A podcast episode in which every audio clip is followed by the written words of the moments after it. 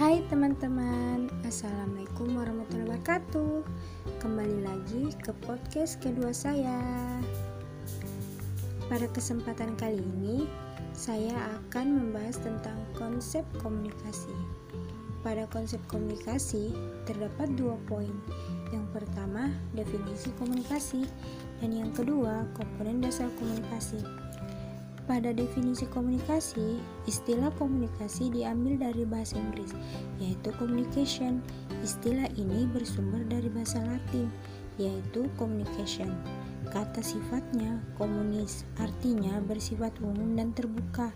Kata kerjanya communicare, artinya bermusyawarah, berunding atau berdialog. Komunikasi atau berkomunikasi berarti suatu upaya bersama orang lain atau membangun kebersamaan dengan orang lain dengan membentuk perhubungan. Menurut Wijaya, komunikasi dapat diartikan sebagai proses normal penyampaian pesan dari komunikator ke komunikan melalui saluran atau media yang tepat sehingga menghasilkan efek yang diharapkan. Komunikasi adalah proses memberikan signal menurut aturan tertentu, sehingga suatu sistem dapat didirikan, dipelihara, dan diubah. Selanjutnya, menurut Brand Ruben, memberikan definisi mengenai komunikasi manusia sebagai proses penciptaan, pengiriman, dan penggunaan informasi individu dalam hubungannya dalam kelompok, organisasi, dan masyarakat untuk mengkoordinasikan lingkungannya dan orang lain. Berdasarkan definisi tersebut, pada hakikatnya komunikasi merupakan proses Istilah proses artinya bahwa komunikasi berlangsung melalui tahap tertentu secara terus-menerus. Proses komunikasi merupakan proses yang timbal balik karena pengirim dan penerima saling mempengaruhi satu sama lain. Berdasarkan definisi tersebut, komunikasi adalah pertukaran pesan secara verbal ataupun nonverbal antara pengirim dan penerima pesan untuk mengubah tingkah laku. Pengirim pesan dapat berupa seorang individu, kelompok, atau organisasi. Demikian pula penerima pesan. Perubahan tingkah laku artinya perubahan yang terjadi di dalam diri individu, mungkin dalam aspek kognitif, afektif, atau psikomotor.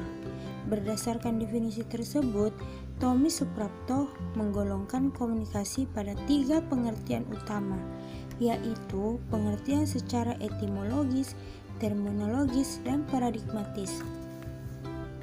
Yang pertama, pengertian komunikasi secara etimologis.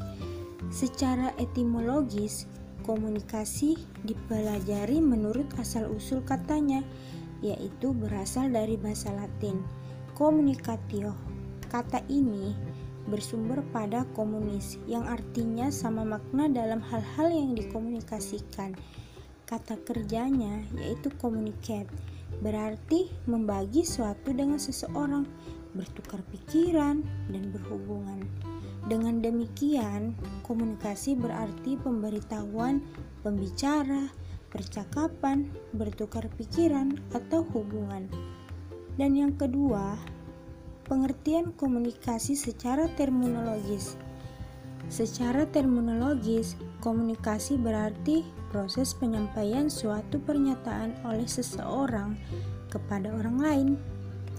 Oleh karena itu, komunikasi yang dimaksud di sini adalah komunikasi manusia atau human communication yang sering disebut komunikasi sosial atau social communication.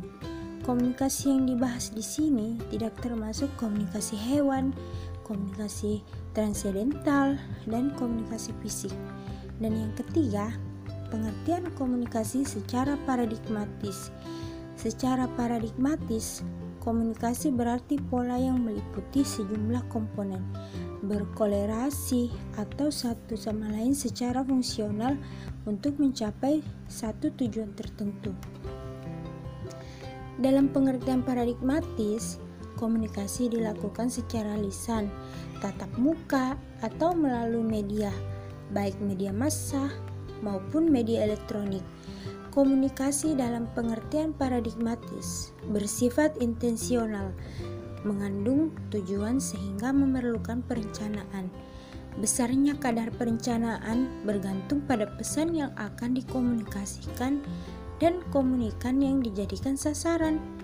Berdasarkan banyaknya divisi yang dikemukakan oleh para ahli, dapat disimpulkan bahwa komunikasi adalah proses penyampaian pesan oleh seseorang kepada orang lain untuk memberitahu atau mengubah sikap, pendapat, atau perilaku baik secara langsung, lisan, maupun tidak langsung melalui media.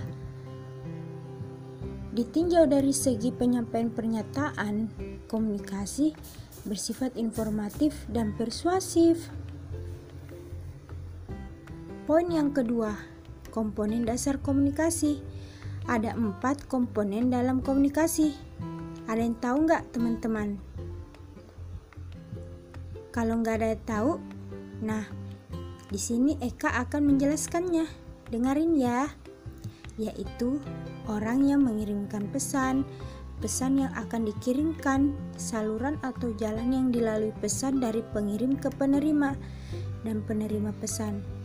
Karena komunikasi adalah proses dua arah atau timbal balik. Komponen output perlu ada dalam proses komunikasi.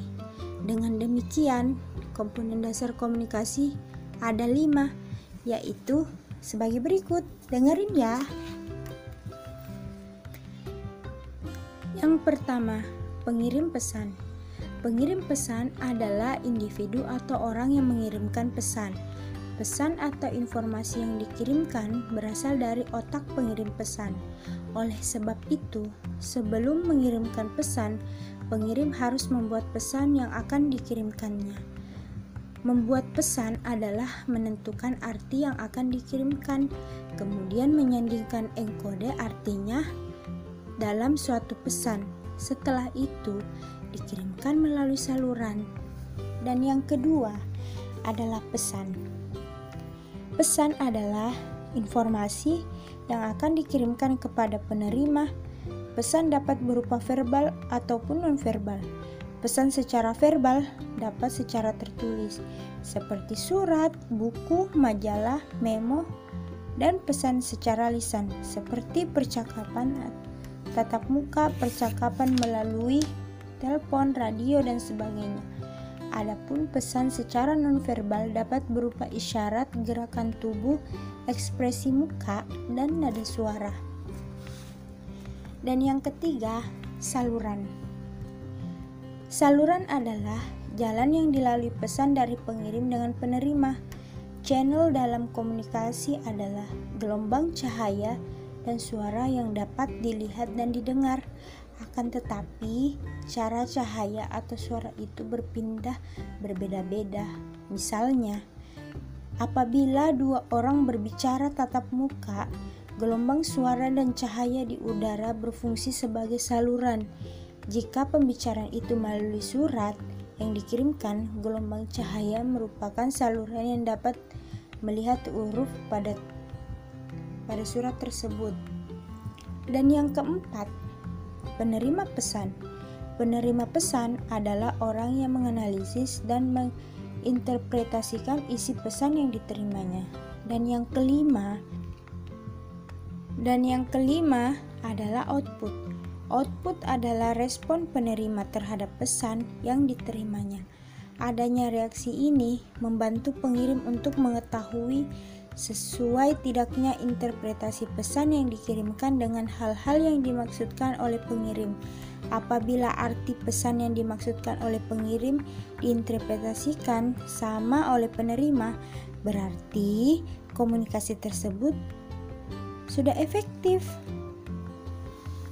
Terima kasih ya teman-teman. Semoga pembahasan podcast kali ini bermanfaat ya. Jangan bosan-bosan dengar podcast dari saya. Dadah, see you next time.